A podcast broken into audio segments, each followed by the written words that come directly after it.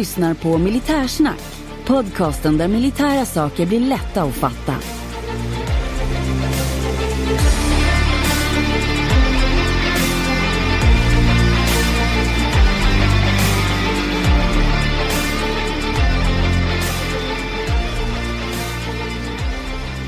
Ja, då är vi igång med ett nytt avsnitt. Men innan, innan vi börjar med avsnittet, Löjtnant, vad var det vi hörde här före introt?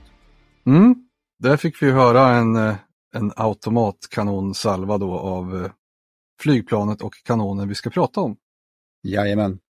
Jag som pratar heter Henning Svedberg och på andra sidan kanonen sitter ju givetvis Här sitter ju jag, löjtnant Andersson.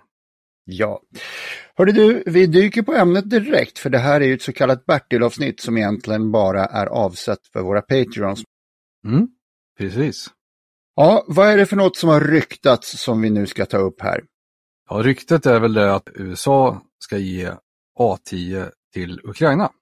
Vi ska prata om vad det är, men eh, ja, det är väl ett rykte. Många kanske tycker att det är en bra idé eller så finns det på mer än idéstadiet, men det, det vet inte vi någonting om. Men eh, vi tänkte att vi gör ett A10-avsnitt i alla fall så att eh, folk får reda på vad det här är. Ja, och då direkt pang på, vad är A10 för någonting, löjtnant? Mm. A10 är ju då ett eh, attackflygplan som är utformat för att eh, nedkämpa stridsvagnar och andra pansarfordon. Och eh, även för att eh, understödja med CAS, Close Air Support. Ehm, alltså mot man understödjer marktrupp. Det är väl i kortad ordalag vad det är för någonting. Mm. Och eh, det här heter då som sagt A10 Thunderbolt. Thunderbolt det betyder ju ja, åskvigg. Och då kan man tänka att eh, vi hade ju också en, våra 37 er hette ju Viggen. Japp. Och jag, jag vill nog att det ska vara en åskvigg som har namngett eh, Viggen. Det finns ju även en fågel, en sjöfågel som heter Vigg. Jag vet inte om det är den man tänkte på när man eh, namngav Jo. 37 Det är väl så, draken är ju ett sagofigur, åskviggen är sagofi- sagofigur och gripen är en sagofigur. Så jag tror du är precis rätt på spåret. Ja, vi, vi, vi tycker att det är så i alla fall, åskviggen. Ja. Men Mm. eh, det här planet, eh, A10 Thunderbolt, kan även kallas för Warthog eller Ja. bara HOG. Det hörde vi här i början också på den här salvan att eh, förutom att någon, någon uppenbarligen gör en ljudupptagning eller filmar så skrattar de ju. Men det första man hör det är ju nedslagen av granaterna och sen hör man ju själva avfyringen som låter som ett, eh, en, en liten utdragen prutt. Ja, Och det, det är ju själva ljudet från kanonen så att man, man eh, vi låter våra lyssnare lyssna på ljudet en gång till här. yes.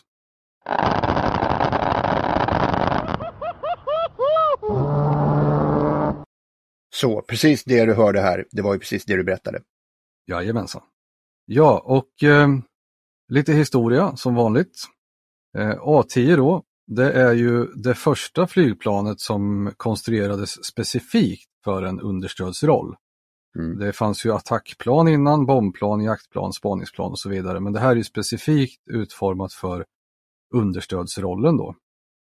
Och anledningen till att man började titta på det här i USA, det var ju att i Vietnam under det kriget så saknade man eh, Close Air Support.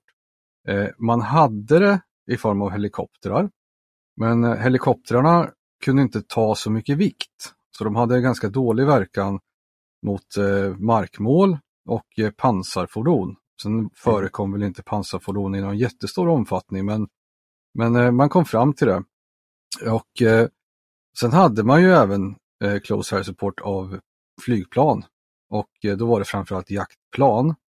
Men de här planen var ju för snabba för att kunna användas på ett riktigt bra sätt för att understödja marktrupp. Mm. De här är ju, det som är med A10 här är att eh, den har så pass hög manöverförmåga och kan flyga så pass sakta på en, eh, en väldigt låg höjd att den eh, är utmärkt för just den här typen av understöd och att man ska kunna se. Det krävs ju att man vet var både egna förband och vart fienden är. Mm. Sen har det ju funnits attackplan länge som har kunnat verka mot markmål. Men det här modern CAS eller Close Air Support, det leds ju ofta av ett, eh, ett markteam som är specialiserat och som leder Mm. in flygplanet. Ja. Och eh, berättar då vart eh, fienden finns, vilken typ av fiende och vart egna förband finns och så vidare. Mm. Så det blir mer som ett eh, eget koncept med KAS. Ja. Ja, efter Vietnamkriget, man började fundera på det här redan, ett renodlat plan eh, under kriget som sagt och eh, eh, 1973 så anlitar man då Fairchild för att bygga det här planet. Och det kommer i tjänst 1977. Mm. Det finns eh, 716 stycken eh, tillverkade plan. Och som vi nämnt innan så är det just det att eh, det här är byggt för att eh, kunna gå långsamt och på låg höjd. Mm. Och med det så har man tänkt till på olika aspekter och bland annat skydd av systemet. Det här planet är känt för att vara väldigt väl skyddat och har väldigt hög förmåga för överlevnad. Ja, det tål hur mycket stryk som helst nästan. Ja, om man jämförelsevis med andra plan så, så absolut. Det, det har ett skyddssystem då som eh, man, eh, de brukar skriva att det är ett eh, badkar i titan som Mhm. piloten, det är en pilot som han sitter i och det är upp till 3,8 cm tjockt, vilket är ganska mycket i titan. Då. Och det här skyddar ju då piloten och eh, systemen. Och sen har han ju en glas, glaskupol som han, så att han har fullgod sikt och den är också skottsäker. Okej. Eh, planet för överlevnad som jag sa så har den ju det här högt skydd för eh, sin pilot och sina system. Den kan även fälla facklor för att eh, lura luftvärnssystem. Så då fäller den ut eh, brinnande facklor så att eh, eventuella luftvärnsrobotar och sånt ska låsa på facklorna istället för planet. Mm. Och eh, beväpningen, det mest spektakulära, det är ju att den är, det här flygplanet är i stort sett en kanon. Eller planet är byggt runt en kanon. Och det är en helt vrickad kanon. Det är det. Det är en eh, 30 mm automatkanon som heter GAU 8A. Mm. Och eh, det är en fast beväpning. Planet är egentligen byggt runt den här automatkanonen. Det är en roterande kanon, alltså av Gatling-typ. Eh, Den har flera stycken pipor, men som roterar. Och eh, den skjuter alltid ur en pipa. Ja. Och sen byter piporna plats, så då kommer pipa nummer två och skjuta på samma plats och sen kommer pipa nummer tre och skjuta på samma plats. Och den här tekniken är framtagen för att man ska kunna skjuta så med så hög eldgivningshastighet som möjligt. Jajamensan, och erhålla fullgod kylning i och med att eh, så fort den, den, hela pipsystemet roterar ju och eh, då är det alltid en pipa som eh, har en patron på väg eller en patronhusa på väg in och en som skjuts och en som är på väg ut mer eller mindre. Mm. Och då finns det ju x antal piper men då löser man ju hela omladdningscykeln på ett varv. Så när, eh, när den här har roterat då har man eh, laddat, laddat skjutit och eh, kastat ut tomhylsan. Mm. Och den här roterar som sagt och piporna skjuter ju på samma plats. Vilket gör att man kan få ett centrum och det är ju ganska så hög rekyl på den här 30 mm automatkanonen. Vilket har gjort att man har ju till och med fått montera den här ur centrum på flygplanet för att det inte ska störa flygplanets flykt och eh, mållåsning. Helt galet. Helt galet. Och då har man ju monterat den lite grann i sidled så att den skjutande pipan är så nära kärnlinjen på planet som möjligt i mitt då. Mm. Så, att det, så att det inte ska störa själva flyg, flygningen och mållåsningen då.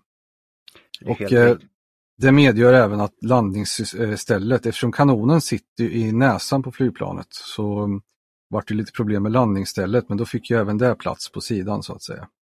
Mm.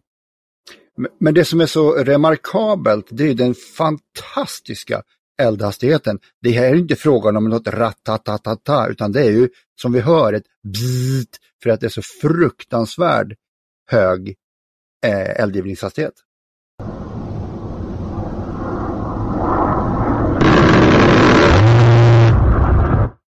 Jajamensan. Ja, eldhastigheten är ju hög. Det är ju generellt sett på, det finns ju mindre system också av Gatling-typ. Eh, roterande pipsystem som eh, eh, för att få in en filmreferens så de som har sett eh, Rovdjuret så Just. skjuts det ju med en minigun, en handhållen variant. Mm. Ja, som sagt, eldhastigheten är ju vansinnigt hög och eh, från början har jag kunnat läsa mig till att eh, man kunde ställa in den på två olika. Det fanns en low och så fanns det en high rate of fire. Okej, okay, ja. Och den som var low, den mm. är 2100 skott per minut. Jaha. Och den som är high är mm. 4200 skott per minut. Och för att sätta det i jämförelse vad ger en KSB 58? Den svenska kulsprutan.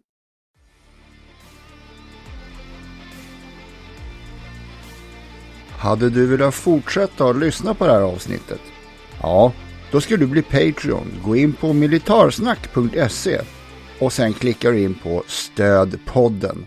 Så blir du medlem och får lyssna på samtliga avsnitt vi har släppt. Tack!